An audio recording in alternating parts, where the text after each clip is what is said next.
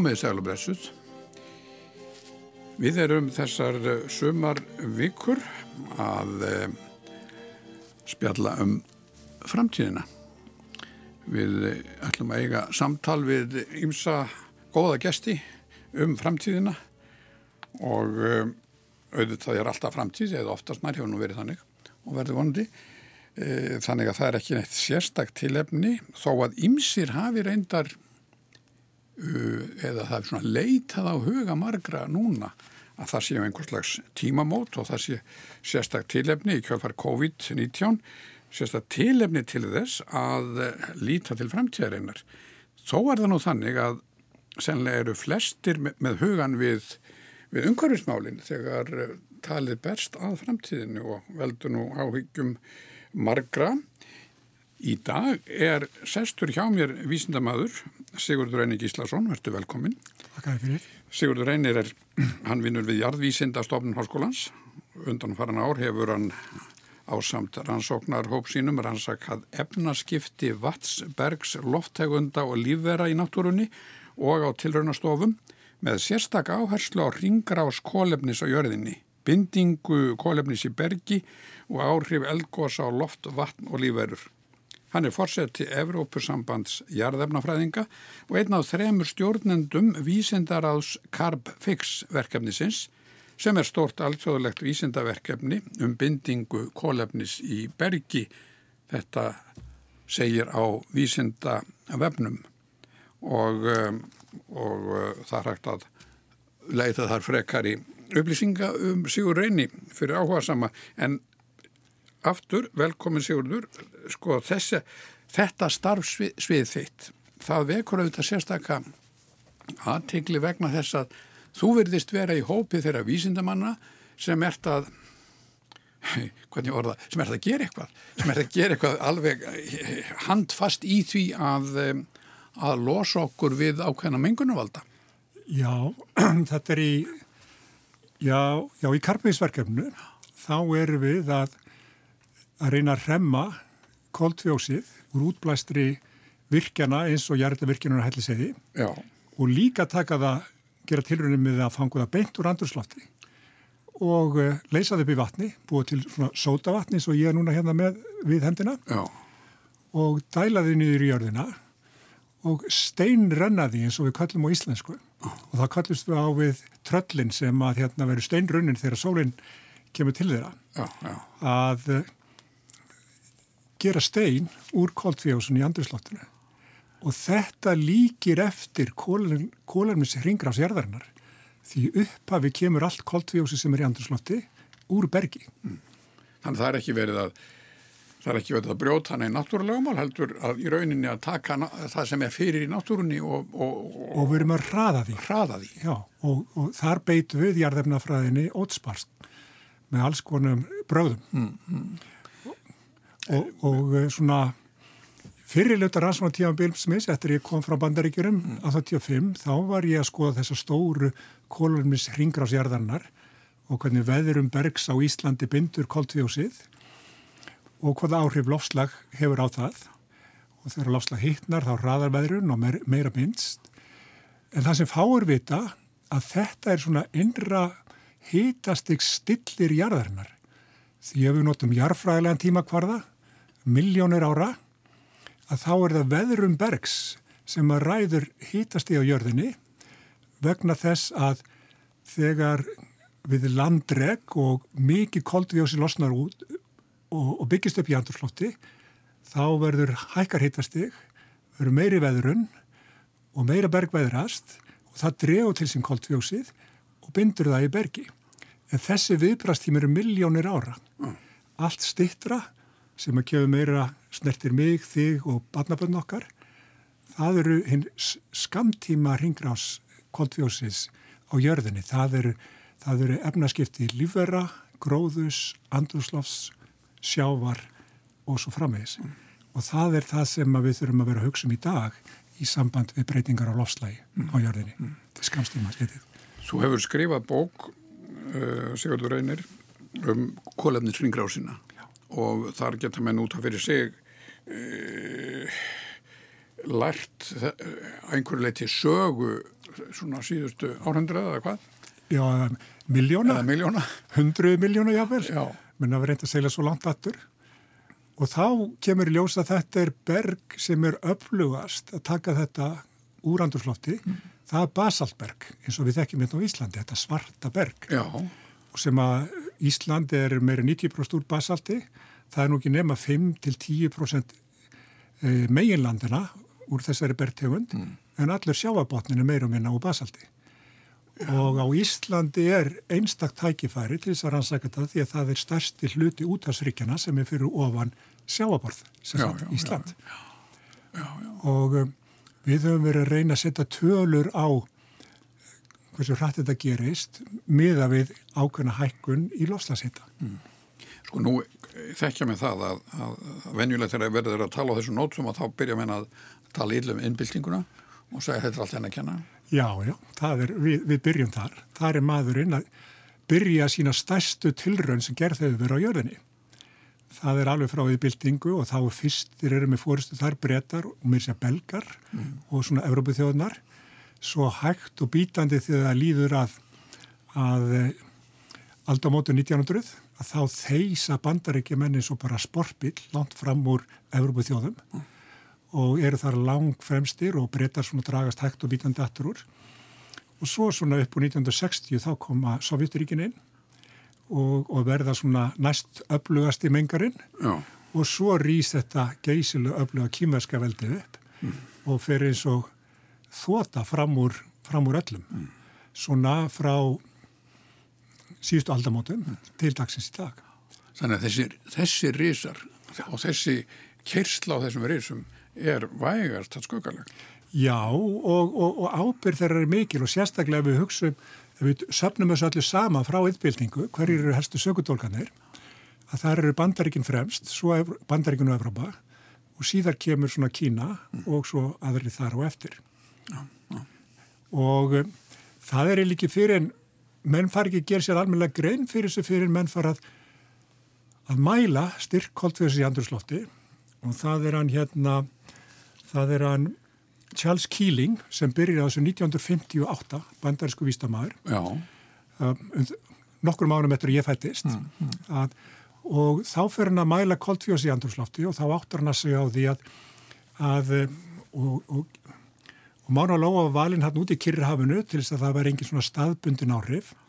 Og þá sína niðurstöður hann að hvernig, hvernig jörðin og nó, eða gróður og norðu hverju jarðar, bæði gróður í sjó og landi, er að hafa áhrif á koltfjósiði í andurslofti og þessu tímabili og þá mælir hann að þegar að gróður er, er búin að vera í hámarki yfir sömarið og kemur fram á haust, þá er styrkurinn lítill en síðan eftir veturinn þegar kemur fram í april-mæ eins og núna að þá er styrkurinn í hámarki mm. og svona sveiblast þetta eftir því hérna hvort, hvernig, hvena þú mælir styrkin svo pröfa hann að mæla þetta líka inn í miðjum skói að degi og nóttu og þá sér hann að, að deginum er skóurinn að remma koltfjóðsögur andurslofti og nóttinu þá er hann að anda tilbaka mm. og þannig sveiblast styrkurinn eftir því það er mikil styrkur á nóttinu og lítill að deginum. Mm. Þessi í, í grasafræðinu sem ég lærði fyrir mjög lengur síðan, þá eh, var talað um þetta að, að, að eh, grænublöðin innu kolsýring eða koltvísýring var það. Sko það er aðeins smá kjænslustund í, í, í þessum hugtökum. Við tölum um kólefnis ringrás og núna talað þú um koltvíósíð. Þetta var sko bæði í ennsku og frönsku þá við tala um koltvísýring sem að ég lærði sem barn mm. væri þá CO2, það er eitt kólefni og tvö oxíð atom sem að binda saman í koltvísering sem kallaða var. Síðan er ennskan og, og, og franskan og þískan búin að losa sig við þetta og þau tala um carbon dioxide mm. og uh, í íslenskunni höfum við reynd að taka þetta upp svipað og vorum á góðu róli svona í kringum Kyoto samþýttina þegar var að vera að vinna í henni svona 97-98 og þá fyrir við að tala um koltvíóksið og ég tala um það í bókinu minni og eh, en núna eru Íslendingar, þeir, þeir, þeir notu þrjú orðum saman hlutin. Það er koltvísýringur, koldíóksið og koltvíóksið. Oh. Ég, ég lærði við marga marfars ráðunauta áður en ég setti, tók ákvörðunum í bókinu minni, hvernig ég ætti að hafa þetta og við ákvæmum að setja koltvíóksið en við erum öll hálf ruggluð yfir þessu þegar við erum að tala saman því við notum ekki sama orðið já, yfir, já. yfir helsta sökudólkin í þessu öllu saman. Já, það er náttúrulega mjög óhefilegt ef mann get ekki nefnt sökudólkin fullu nafni. Og svo er hann líka lyktarlaus og ósynilegu sem að gera enþá erfiðar að fast við hann. Hugsaður ef þetta veri lykt, lykt og líka við sæjum hann. Já, það myndi aðeins svona lita andrúrslótt sko. Þetta er einna líkast í sem þegar Trump var að lýsa eh, hérna koronaveirunni. Þetta var svona óvinnur ósynilegur. Já, já. já. En, en við höldum okkur við koldvíósið. Koldvíósið í dag, allavega. Já, höldum okkur við það. En uh, sko nú vitamenn og eru þetta mjög ofalegi umræðunni að þessi þróun sem þú varst að, að lýsa, að þessi þróun hún steipir uh, mannkinn í glötun segja margir og, og eru sko býstna svartsýnir. En þá koma mennir svo þú og segja við getum bara látið tröllinu steinrenna. Já, það eru, það eru sko þekktar aðferði verið að takast á við þetta að um, við þurfum fyrst og fremst að vera sjálfbar í öllum okkar gerðum og, og jáfnvel hugsunum líka. Já. En það dögir ekki til eins og þetta er núna og, og við þurfum að taka okkur alveg óðbóðslega á og uh, við þurfum að eins og lofslagsnæmd saminuð þjónur hefur bent á, þeir hafa bent á leið út úr þessu öllu saman að við þurfum að vera kólumni slutluðs 2050 ef að við ætlum að stemma heitastíksækunni þar að segja meðan að við að vera ekki meiri en 1,5 gráður að þá þurfum við að gera það. Parísa samþettin snýrist um 2 gráður. Já. Við stefnum núna hraðbyrri á eitthvað langt um meira, sko. 3-5 gráður og, og þá þarf að beita mörgum aðferðum og ein af þeim aðferðum, ef við erum ekki nógu sjálfbær og fljót að gera þetta bara, að þá verður við að fanga koldfjósið úr strómpum yðjuvera, tækninni til, hvaðin hefur ekki verið nógu öflugur til þess að menn grípi til þessar ás. Ef við erum á sein til þess að stemma stígu við þessum útmæstri, þá verðum við að fara í lang erfiðist og kostnæðasumistu aðgerðan líklega setnilitu þessar aldar að reynsa handusloft. Mm. Þá bara reynlega þurfum við að byggja orkverð, setja um reyn, eh, gassugur oh. og reynsa andurslóft og steinrenna því eða setja það niður í setdældir á sjáabotni eða í gamlum jarlegum þar sem við getum bundið koldfjósið til miljónu ára. Oh. En er þetta ekki dálit hljómar þetta ekki svolítið freistandi fyrir yðin í öfra heimsins. Fyrst að, að, að græða því að menga og spilla heiminum og síðan græða því að, að hreinsa. Já, það er náttúrulega já, sko það er ólíja og gasiðinæðurinn þeir fá skamtíma gróða hverjum degi sem við grípum ekki til á það, eða þeir fá bara menga alveg óbeislað. En En síðan getur þú þóli risa innar að reynsa upp andrusláft. Oh. En það frumkvæði held ég hljóta að koma frá einhverjum eins og saminuð þjóðunum eða, eða Európusambandinu eða kannski frá bandaríkjumuna Kína ef að skinsamir stjórnendur eru, eru þar við stjórn. Mm. Það var, menn voru bjarsínir þegar Kyoto-bókunum gerð sem Já. er þá mer, ofboslega merkur atbyrðu þegar Ralf Kíling er búin að vera að mæla þetta alveg frá 1958 og stöðut hækkar styrkurinn í heilsinni þó hann sveiplist fram og tilbaka á milli sumars og veturs. Og þá 1996-98 þá eru mikla samninga viðræðu kenda við borgina Kyoto í Japan. Mm. og þar bindast fjöldu þjóða samböndum um það að stemma stegur og minka útblástur. Og þá smíðað heilmikið vöktunarkerfi sem er mjög merkilegt og er notað enn þann dag í dag og á hverju voru skila menn ástandsskýslu hvernig þeir stóðu sig yfir síðastlið ár og það er komið samhæft kerfi til þess að metja um allan heim og, og, og síðan voru konar ákveðna skuldbindingar og svo kallið Kyoto tímabil og ef að menn færu yfir sinn kvota að þá áttu menn að greiða pening fyrir það. Nú síðan í þessum atbyrjum þegar menn voru að semja um þetta skils með samninganóttina þegar voru að klára samningin í Kyoto og þá saði hann hérna var að fórst í bandaríkjana, hvað hétt hann nú aftur? Al Gore, Já. að þeir myndi aldrei geta komið til, til, í gegnum þingið nema það er því kapitalskar aðferri gerða við þetta. Það mætti ekki vera kolmiskattur, það er að vera svona kvótar sem færi þó söl á markaði. Og það enda með að það var ofan á. Þó að bandarækjumenn hefði aldrei samþygt Kyoto bókunna, hún aldrei farið í gegnum þingið, þá endaði Evrópusambandið með þessa aðferð. Og þá voru komið upp þessi skiptikvóti sem hefur verið mjög umræðinni hérna eða aflausna bref eða emission trading scheme sem að tala erum. Já. Og þetta hefur verið svona helsta, helsti hvati Evrópusambandsins til að grípa til aðgerða. Það er falið í sér og stóriðurinn á Íslandi er, fór inn í þetta kerfi held í 2012-2013.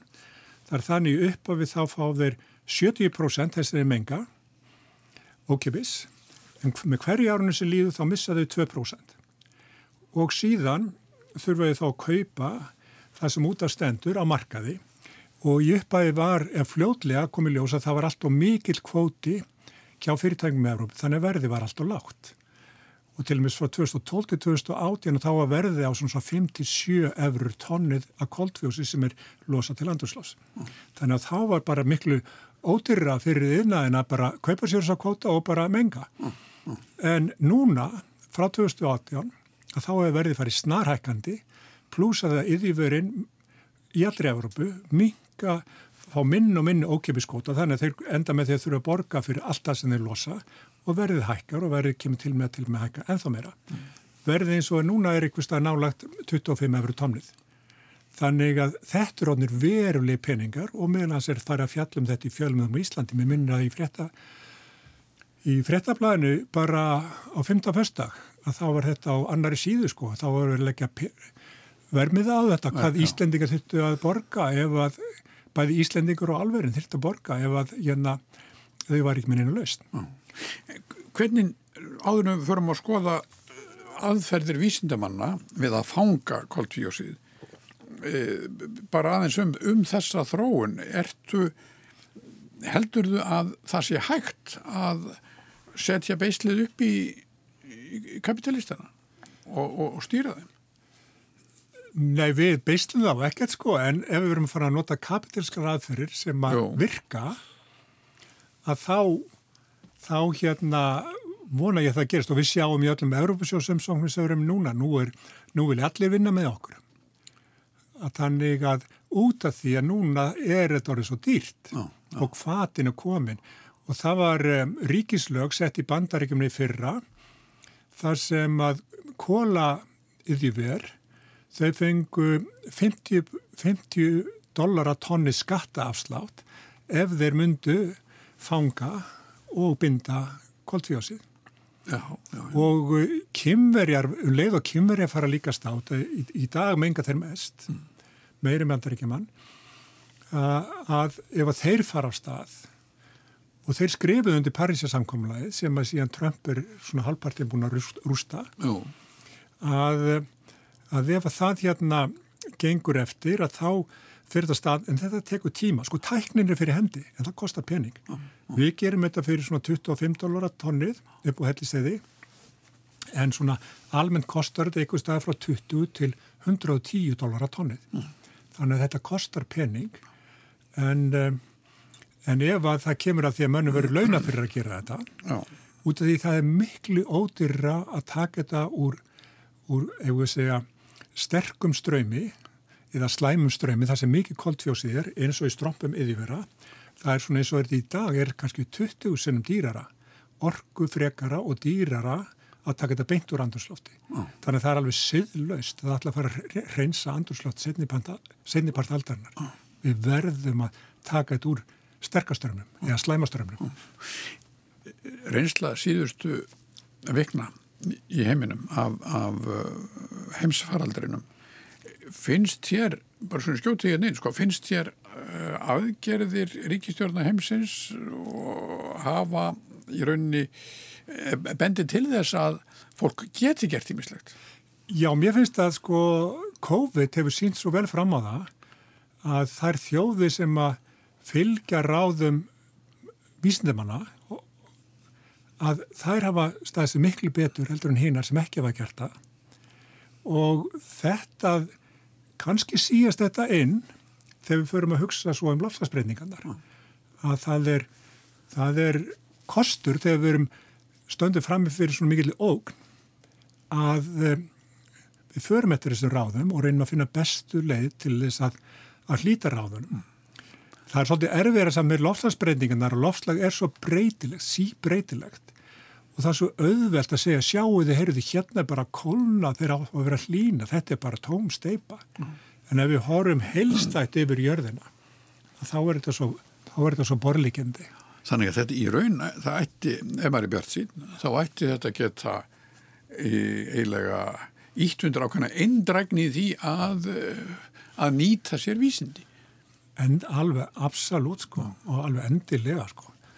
Og líka það sem COVID hefur átt áhrif á líka þegar að loftslagstend saminar í oktober 2018 var að benda fram og við þurftum að minga svona óbóðslega rætt losununa ah.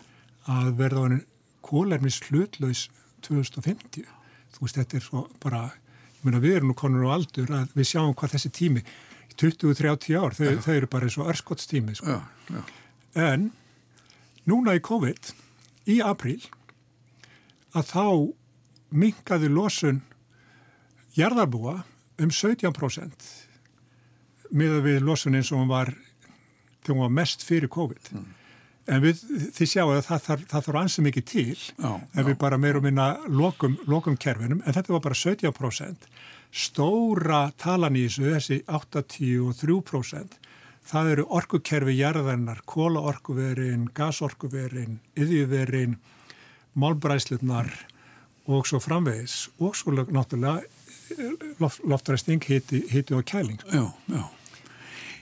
Sigurður, þessi þetta sem við höfum verið að vísa til hérna, þar að þetta sem Carb Fix nú er, það, nú er þetta heiti sem henn kannast við og, og vita að það er eitthvað sem er verið að möndla með hann upp á helliseiði, tengist því og, en e, svolítið óljós þessi saga þessa átaksett eða, eða, eða verkefnis er svolítið óljós. Já, Hvað er Carpjós? Þetta er, hérna, þetta er, þetta er alveg dásanlegt verkefni og fyrirvæðandi fórstu Íslands, Ólafur Ragnar Grímsson og um, Wally Brúkar við Columbia Háskólanin í New York eru svona guðfeður þessa verkefnis oh.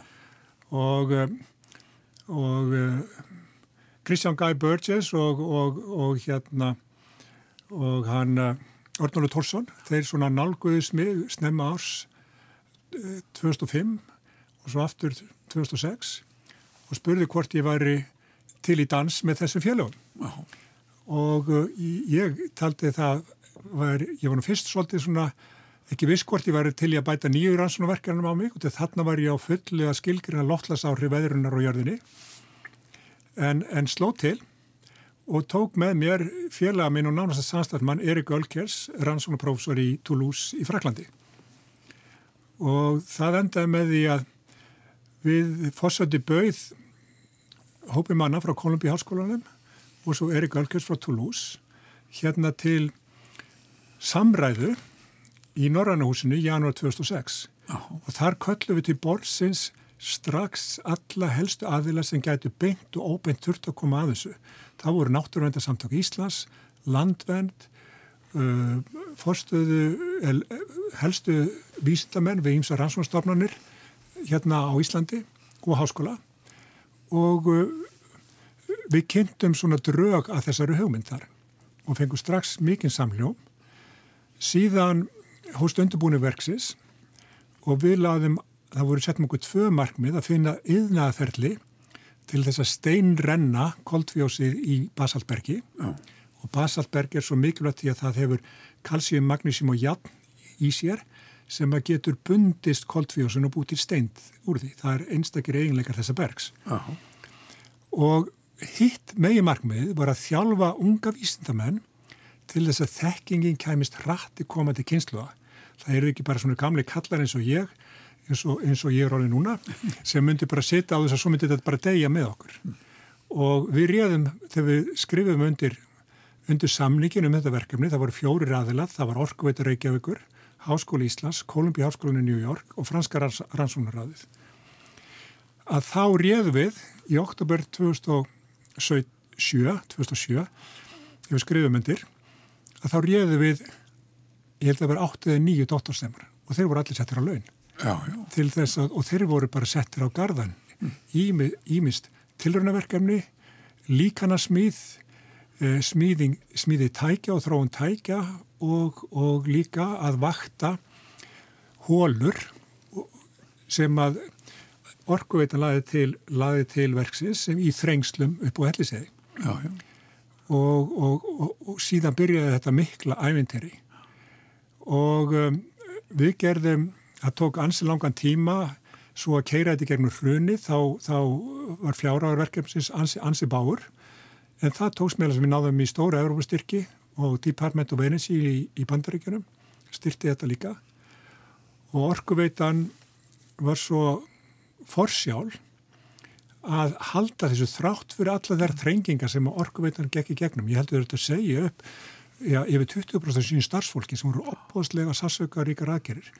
En þeir heldu, heldu í þetta og kannski ekki síst líka við sáum fram á það við í þessu fælis kannski laust líka til þess að binda brennisteinsvetni sem að er efni sem að orkuveitinni já, um þetta leiti var gert að losa sig við. Já á, á góðan og örgan hátt. Já. Og, og síðan gerum við fyrsti tilraun 2012 að dæla niður og, og ég man svona fyrstu vikurnar þegar við vorum svo að sjá það sem við segjum, við setjum kennefni í þetta og fengjum að merkja kóltfjósi líka með geyslaverku kólefni og gerum þetta alveg stráng vísindarlega nátt og svo þegar við fórum að sjá fyrstu merkjunum þetta í hóluna þá var þetta ofbáslega spennandi að sjá hvort eitthvað er gerst og, og uh, þegar það, það kom í ljós og það tók drjúan tíma þá var þetta allt saman byrt og í bara bestu tímaritum heims, Science, Science var með þetta og við fengum alveg ofbáslega aðtegla, þetta var í júni 2016 mm. og við fórum svona eða tvo ringi með, með sólinni sko í kringu jörðina í, í fréttamælum, þetta var mikið aðventiri og gaf okkur þá enn meiri meðbyr og þar með gátt við fengið enn meiri styrki og ráði enn meira ungd fólk til þessa. Og svo 2014 ákveður orkuveitan að gera þetta yfirnaðferðli á sér og fara að fanga bynd úr strömmnum þar, að fanga bæði koldfjósið og brennstisvetni og uh, ákast að geta þessara, þessara, þessara fengunarvesmiðu. Hún var tveföldu 2016 og nú stefnir orkuveituna því í framtíðinni að, að taka þetta frá bæði nesjaföllum og orkuveitunni og uh, það eru áhugði hjá landsvirkinu að gera þetta fyrir norðan mm. í kröflu og, uh, og síðan erum við núna að uh, undirbúa samstarfs við stóriðin á Íslandi að beita þessum aðförðum þar.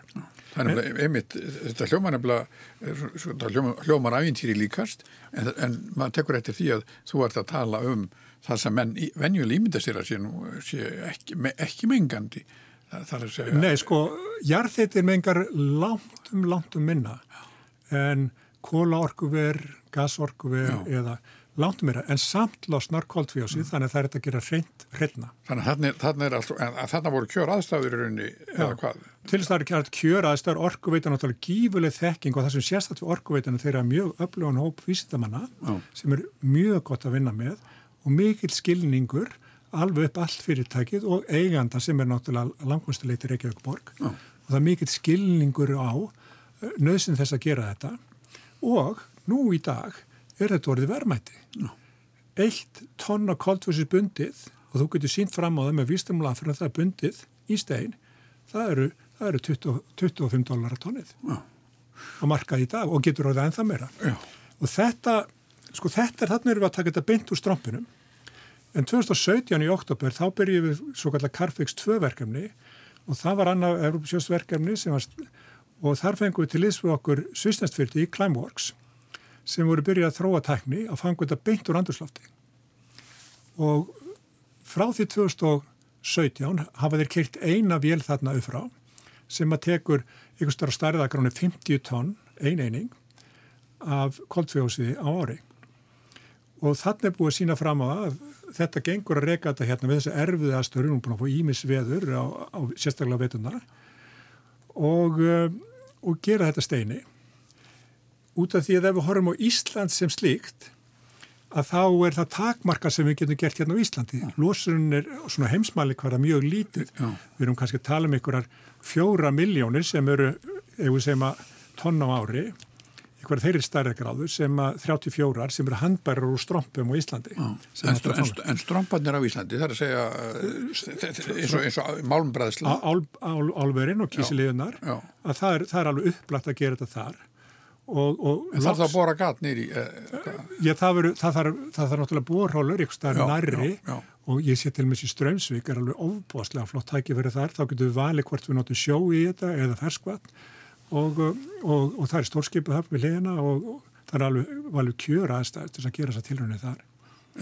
En, en, en sko þetta er ekki nema, ég, ég ætti ekki að segja nema því að það er nóg slæmt, fjóra miljónir, en ef við erum að hugsa lausnira fyrir heiminn, þá þurfum við að fanga næstu því fjöru, eða, ég vil segja 37 gigatonn. Það eru, það eru þúsund miljóni tonna á ári, sko, þetta er svo stór tala að, að maður handlar hann ekki. nei, nei. Á, á dag er þetta um það bil 100 miljóni tonna á dag sem að þessi losun vegna bruna lífrann orkvækjafa er, er, er að losa. Það er alveg rosalegt, en ef við erum á seinir að binda, þá þurfum við að reynst úr andurslofti. Þá eru rosalega tækifæra á Íslandi. Því að það skiptir ekki máli. Koldfjósið sem er losað í New York, það er komið hérna til Íslands eftir tvo daga. Hvort þú gera í New York eða hérna. Hérna höfum við endur nýjan að lokkurgjafa. Við höfum mjög gott berg til þess að gera þetta. Þannig að í framtíðinni ef að Íslendingar kjósa að gera svo, þá sagði mér þetta fyrir sig sem mikið niðin á Íslandi. Í stað þess að vera að byggja orkuver til þess að elda uppi bitcoin, þá byrgjum við kannski orkuver til þess að drífa lofthreinsi sugur eða gassugur og steinrana þeim. Þannig ef að, ef að stóru stromparnir í stærstu innverum heimsins eh, ef að, ef að uh, taka ekki við sér að þá gæti þetta orðið niðurstann að það þyrti að loft hreinsa benlínis. Já, og, og segjum svo svo að þetta fær alltaf besta veg að við náum að fanga koldfjósúr strompurum, alls það er í heiminum, að þá samt við ekki í það sem að kemur frá flugumferð Nei, og, og dreifðum, dreifðum, dreifri notkun sko. Það eru, það eru, þú ert að kynna húsið þitt eða, eða kæla eitthvað staðar út í, út í sveit og, og, og, og það eru bílaumferðin, vonandi verður hún að mestu rafvæti framtíðinni, en það tekur tíma að við komum alltaf til með að þurfa að hreinsa andurslóttu í ykkur mæli og, eh, en, það- og það er spurning hvort það verður leifiskilt að ef þú ert með flugfélag sem flýgur á, á, á jarðalsneiti að þá þartu bara að, að borga ykkur loft hreinsi veri til þess að hreinsa þá loft fyrir þig. Og, og þess vegna er mjög mikilvægt að sé svona velskilkan kerfi hvernig þetta er allt vottað og, Já, og hvað já, er gert og svo framvegis. En, en bara bent svona praktíst er að þínu mati er þetta, er mögulegt að að kom að steinrenna allt svo koltjósið úr stærstu innverum heimsins. Já, það er alveg nóg pláss fyrir það. Það er alveg nóg pláss fyrir jarlugum. Þetta kom úr jarlugum í upphafi. Jú. Sko, jarðarna elsnæti er í raun að vera svona meðaltæri um 200 miljón ára gömul sólarorka. Já. Það er orka sem að gróðurinn fangaði og svo grófst hann í drullu, einangar frá andurslaftinu og þá fór þessi efnaferli í gangi þess að súrunni komst ekki að því og þetta hefur búin að vera geimt í jörðinni að meðaltali í 200 miljón ára. Svo f- byrjum við um yðbyltingu, þá byrjum við að stinga á þessum námum og brenna það, þessa gömlu sólarorku og þá losnar öll koltvíósið þessi, þessi forði sem er búin að sapnast í jörðinu miljónur ára og við erum að hraða þessari náttúrulegu ringrás kólumins á jörðinni alveg óskaplega. Ég, en sko allar þessar aðgerur okkar það snúast fyrst og fremst um að vera sjálfbær. En við bara náðum því ekki nógu hratt. Bara og uh, ég held að COVID hafi sínt okkur það er mest í hraði sem við getum nokkuð tíman hugsað okkur að taka. En, en það er hægt við núna eftir COVID að þá aukist losun alveg, alveg rosalega hratt. Evrópusambandi hefur miklar ambisjónur inn að gera þetta á sjálfbæran hátt að keira þetta upp. En það er svo mikið krafa að, hjól efnaðslýsis færi hratt að stað það verður mjög verfið Þessi saga, Sigurður Einir, þessi saga um tilurð Carbfix, þessa verkefnis. Hún er mjög merkileg og, og það er greinilegt að þarna koma ímstir þættir saman. Það er að segja áhugi og, og svona meðvitund fórsett fórsetans, alveg absolutt, alveg bara hegstalega. Þetta sem, sem sína að það skiptir máli að, að topp fólk sé meðvitað með eitthvað annað heldur en bara, hvað að segja, svona sína eigin frama. E, og, svo, og svo nefnir orkuveituna, þess að samstarf vísinda stopnana og, og, og svo orkuveitan. Þannig að þarna þarna verður til einhver, einhver samstarf, einhver bræðingur sem er mjög, hefur reynst mjög vel. Reynst rosalega vel og líka þessi pólitík okkar að keira þetta á, á doktorsneimum og þá samstarf háskólans og orkuveitunum mjög náið og margir, nú er búið að verja, ef mann rétt, 12 eða 13 það er svona postulatala á þessu, sko 12 hérna doktorsverkefni úr þessu. Já. Sum eru sameileg doktorsgráðu frá Háskóla Íslands og samstagsæðluna en langt flestir þeirra eru frá Háskóla Íslands. Sko. Nú er það teimi sem er að taka við þessu orkuveitunni. Það eru Carpfix studentars sem við kallum sko. Já, já. Og nú er þau að stjórn, nú er komið nýtt fyrirtæki sem er í eigu orkveitunar um, sem að er, og það heiti meðlans Carpfix fyrir að nýta sér allar hennar meðbyr sem við hefum fengið Já. og nú er þetta unga klára fólk, nú er það að leiða útráðsina og þau eru ekki bara hérna á Íslandi, þau eru að leiða verkefni í Tyrklandi, í, á Ítalíu og í Þískalandi og svo eru menn að leita fyrir sér um allt mm. og og fjölmiðla umfjöllunin sem að þau hafa fengið fyrir þetta, það er alveg ótrúlega. Þau hafa verið í Atnanborra og þau hafa verið allir stærstu náttúrlýstáttum heimsins og, og, og stærstu fréttastofu koma reglega til þeirra í, til að taka viðtal. Þannig að, að áhugin á, á áhugi fjölmiðla, áhugi akademíunar er, er til staðar en hvað um, hvað kapitali sjálft, hvað um þá sem reka uh, stóru mengunar fyrirtæki? Já sko þegar lítið því skamstíma að þá er hver dagur sem þið fá að menga ókipis Já. er bara hritt gróði mm. og en stærstu fyrirtækin þau eru farin að sjá það núna að það er því að halda áfram að selja þennan orkumið, þessa orku í þessu formi mm. Þá verða þau helst að geta lagt fram lausnir í leiðinni. Mm. Þannig að við erum farin að heyra jáfnvel áhuga frá þessum stærstu olju- og gasfyrirtækjum heimsins sko. Og ekki bara við, heldur þeir sem hafa staðið í þessu. Já, já. og þar er fara nú mjög framalega til dæmis eh, það sem hétt einu sinni í gamla daga Statoil. En nú er búin að fá sér fýtna og umhverjusvarnarnafn, ég held að það heiti Equinor núna, hvað svo sem það þýðir en þeir hafa verið leiðandi í lausnum fyrir þessu og, og alveg frá 1996 hafa þeir bundið miljón tonn á ári á svo kallið sleipnisvæði vestanlega vel, vel fyrir alveg út við landgrunnsmörk hjá sér. Þannig að alltaf sé ekki já, svolítið söðvestur af bergen. Já, já. og þar hafa þetta alltaf miljóntalum ári og það hefur bara gengið ljómandi vel. Svo erum við með svokallið snövít eða snjókvítarverkefni upp í Barensafi og þar erum við tæplega miljón tonna ári og það hefur gengið ekki eins vel en, en gengur ágætlega. Mm. Þannig að það búið að sína alveg á, á til til að stórum skala hvað mikið er gert á þessu. En eins og við tölum um í dag þá er ekki nema um 37 miljónu tonna bundin á ári í svona stórum yðjíverum og orkverum í heiminum í dag. En það eru 37 gigatonn á koldfjósi sem við erum að losa. Þannig að þetta er, þetta er næstu því eins og við varum eiginlega bara undirbúa stríð. Það var hraðin á að vera nógu mikill til þess að, til þess að byggja nýjistu tækni í föngun í öllum þessum orku verum. Þannig að mér finnst ekki lang líklegast að við skjótur hessilega yfir 2050 því miður. Þá verður við að reyns andrúslátt. En, en, en aðferðin eða reynslan sínir að, að það þarf að það þarf að búa þannig húntana af halvu yfirvalda með lagasetningum og, og, og ýmsum hérna, að það, það sé ekki ókipis að menga. Og, og en og síðan koma menn eins og þú að segja er, og síðan er hægt að tæknir fyrir hendi, hendi. það er bara viljan sko. Mm.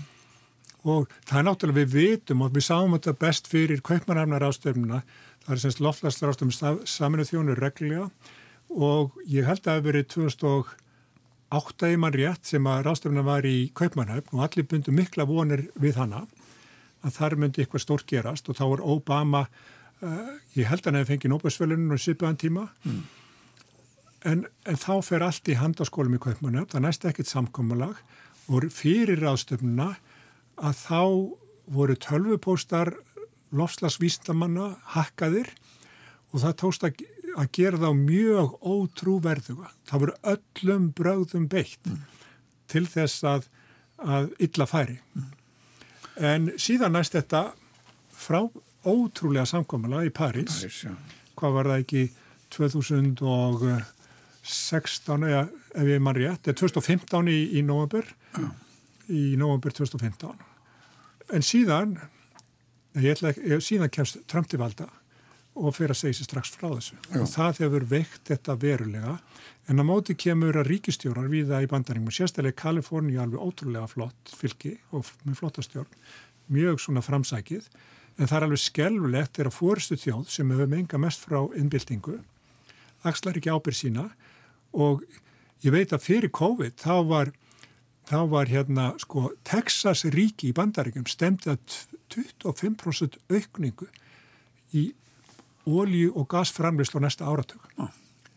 Og það var algjör bónansa þarna niður frá sko og þeir náttúrulega verið bónast þess að Trump verið áfram til þess að fái bara að halda þessu áfram alveg óheft. Ja. Og þá, í, í, í ljósi þessa sem þú hefur verið að segja, þá er eiginlega spurningin, Sigurður Einir, um sko hlutverk sko vísindamann og möguleika þeirra, stöðu þeirra í samfélaginu. Við nefndum að COVID, hvernig þetta tekist til hér, en er, eru vísindamenn, eru þau nógu styrkir? Já, það er sko, það eru margi vísindamenn ógnarsterkir, við mm. getum bara hort til samfélagsins og, og Íslandi, þá er mm. vísindamann eins og Kári Stefánsson, hann er ógnarsterkur mm. og hann getur lísku onum svona hverju sem er og það er alltaf hlusta á og það fyrsta frétt yfir liti í, í fréttum. Og Íslands samfélagi sést að það er mjög stutt boðleð millir vístamanna til ráðamanna. Og ég þekki þetta sérstaklega í Elgósum hvað við vinnum mjög náið með nörglustjóra ennbættinu og uh, viðir er nú glæslið dæmi um þetta og við telumst vinnum mjög náið með honum og hans, hans fólki í eigafjallagósinu og hólurhenskósinu en uh, í bandaríkinu til dæmis það sem þetta er, en þá er það er raun og veru það fer svolítið eftir hvort það er ég býst við demokratið og republikanu sem er í stjórn. Ég veit að menn veru óbúslega ánæri þegar Obama komst að stjórn þegar maður sá það lið sem að valdi með sér mm. í stjórnina. Þarna voru óbúslega öflögi vístamenn sem komu að þessu. Því miður að þá varð Obama að velja hvora legin að tæki, hvort hann myndi reyna að koma helbreyðis löggefin í gegn eða hvort hann tæki lofslagsmálinn. Og hann valdi, já skiljanlega, hérna helberiðs að koma tryggingkerfi fyrir, fyrir alla í gegn. Já, já, já. Það voru svona fórn. En svo sér maður hvað gerist þegar að, þegar að hérna, Trump, Trump kemur til starf og hvað menn hann velur sér til samstarf. Það er alveg með ólingitum. Mm. Og þá kemur spurningin aftur, eru vístamenn og aflýr? Ég held að hægt og bítandi og sérstaklega ljósið COVID, þá eru vístamenn konið meir og meir inn í, inn í umræðina og líka háskólamentum fjölgar hlutfastlega allavega í svona ungum þjóðum eins og, eins og okkur Íslandingar sem eru tiltalega stuð síðan að Háskóli Íslands var til og, og þannig að þar aðferðir og þekking og, og fólki sem er að stjórna er, er orðið mikið háskóla mentað og margir er að jafnvel vísindamenn. Þannig að ég held að rött vísindamanna heyrist orðið betur og betur og fjölmiðla fólk er orðið miklu meðvitað. Ég held að en af peningana er óbústlega mikið. Mm. Man maður eftir því sko þeir sem eru komni til við ára þegar vísind, áhí á vísundum tók mikið kipp í kringum gemferðir bæðið sovjetmanna og vandaríkjamanna og þar, þá verði skapast einhver svona stemning, einhver mjög svona vísinda sinnuð stemning mm -hmm. sem síðan hefur kannski mjög dalað en, en er, það er einmitt þetta með tengslinn sko við, almen, við almennamendun og almenning mm -hmm. sko, til þess að geta eh, til þess að geta í rauninni látið þetta ímislegt í, hug sem tengist vísindum og til þess að styðja vísindarlegar aðferðir og lausnir í, í stað einhverja svona patentlausna sem eru svona skamtíma lausna, þá þurfum hann að vera alltaf vel aðeins, þeim þurfum að geta fylst, fylst sé að veitt stjórnöldum aðhald.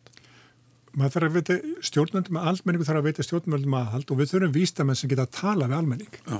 og það hefur verið ekki lesar hæll okkar og ef þú skoðar lofslags skýslur saminuð þjóðana það er næstu eins og hvað, hvað sé, það er næstu eins og samsæri sko að Þetta er gert eins tormelt og hægt er. Vísindamennir skrifa sína texta, síðan er farið í rítskoðun, það sem að jafnveg pólitíkis fulltrúar og jafnveg aðri fulltrú að koma að þess að móta textan og endanum er hann svo flókinu út af því allir þurfa að samþykja hann og er ekki, það er ekki hægt að lesa. Eins og lofslags, já, losuna sviðsmyndir í þessum skýslum, þær eru kallaðar sviðsmynd 1.2.3. Hugsaður ef við kalluðum hann bara ævar eða Jón eða Guðrúnu að þetta bara var margir reynd að lesa þessar skýslur og það gefast upp mm. Bara út af því að þetta er svo mikið torf. Við þurfum vísindamenn og við þurfum fjölmiðlamenn sem að geta tala til almennings og ná sambandi til almennings og þá gengur þetta allt miklu, miklu, miklu betur. Og ég hef séð til dæmis að í á mínusviði og við sjáum bara þegar að Við þurfum listamenn geta verið mjög mikilvæg brúð þarna á milli. Og við sjáum til dæmis þegar að þegar Benny gerir myndina sína hérna um konafæri stríð. Hvernig þetta hafði sterk áhrif á unga fólkið og ég var fjöka fjölda tölupósta eftir þetta og hvað getur við gert? Mm. eins og þegar Capri, hann Caprio var með myndina sína nú mann ekki koma á kölluð um loftlagsbreytingar og losun að, að ég fekk tölupóst frá ungum dóttorsnum allan heim. Hvernig getum við aðstofa, hvernig getum við hjálpað sko? að það bara eh, listamennir ná til fólksins. Mm. og það þarf að vera svona brú, vísindamenn, listamenn fjölmila fólk og svo náttúrulega mentakerfi, það þarf að taka þetta alveg niður í, í fyrstu skref mentakerfisins Já. og hérna á Íslandi þá þurfum við að nota sama orð fyrir þetta allt saman. Já. kól, tví, oxíð Kól, tví, oxíð en, en, en svona, ef maður hugsaði til framtíðarinnar, ertu þokkalega bjart síðan á að, að þessi áhugi náist upp og náist sterkur til þess að í rauninni að breyta, hvað var að segja, gangi mála og það verði hægt að fanga kól tví og síð. Ég sveiplast frá því einn dænar í bjarsinn og annan dænar í svarsinn. Er nún Törnberg að hún hefur rosalega áhrif ef við fáum unga fólki með okkur og svo bylgi heldur áfram og svo COVID sem var næstu í svona eins og bara ykkur utan úr já, háloftum væri að benda okkur já. hvað við þyrtum að gera hvernig við ættum að hafa okkur og, og fara í COVID ferð innan hús eða innan lands að eh, einn daginn er í bjarsinn og annan daginn er í svarsinn en ég held við stöndum á, við stöndum á svona tímamótum núna við mm. þurfum, við þurfum að verða sjálfbær og við þurfum að beita þeirri tækni sem við eigum til þess að koma í veg fyrir verulega áhrif lofslags, hækandi sjábor, súrnum sjávar og auk, aukna tíðni stórvera. Mm. Það er endar einn ofinnur sem við gæjist fram síðustu árin og einmið margnæmdur Trump hefur mikið áhuga á það er að segja að það eru falsfréttinnar, það er þessi, það er þessi erðileikra á því að koma upplýsingum uh, innan gæðsalapa réttum. Já, og, og hann og hans félagar hafa fjármagnað falsveitur árum saman og það er það sem hefur hægt á öllu þessu ferli. Mm. Það er alveg rosalega hættulegt. Þess vegna, já, með öllum þessum nýju miðlum þá er erfitt átt að segja á hvað er rétt og hvað er ánt. Það verða lokáðurinn. Sigurður Einir Gíslason, vísindamadur sem hefur tekist á við og tekið þátt í að, að hagnýta vísindilega þekkingu þannig að hægt er að steinrenna koltjósið. Bestu þakki fyrir komin í þáttin. Þakka ekki alveg fyrir.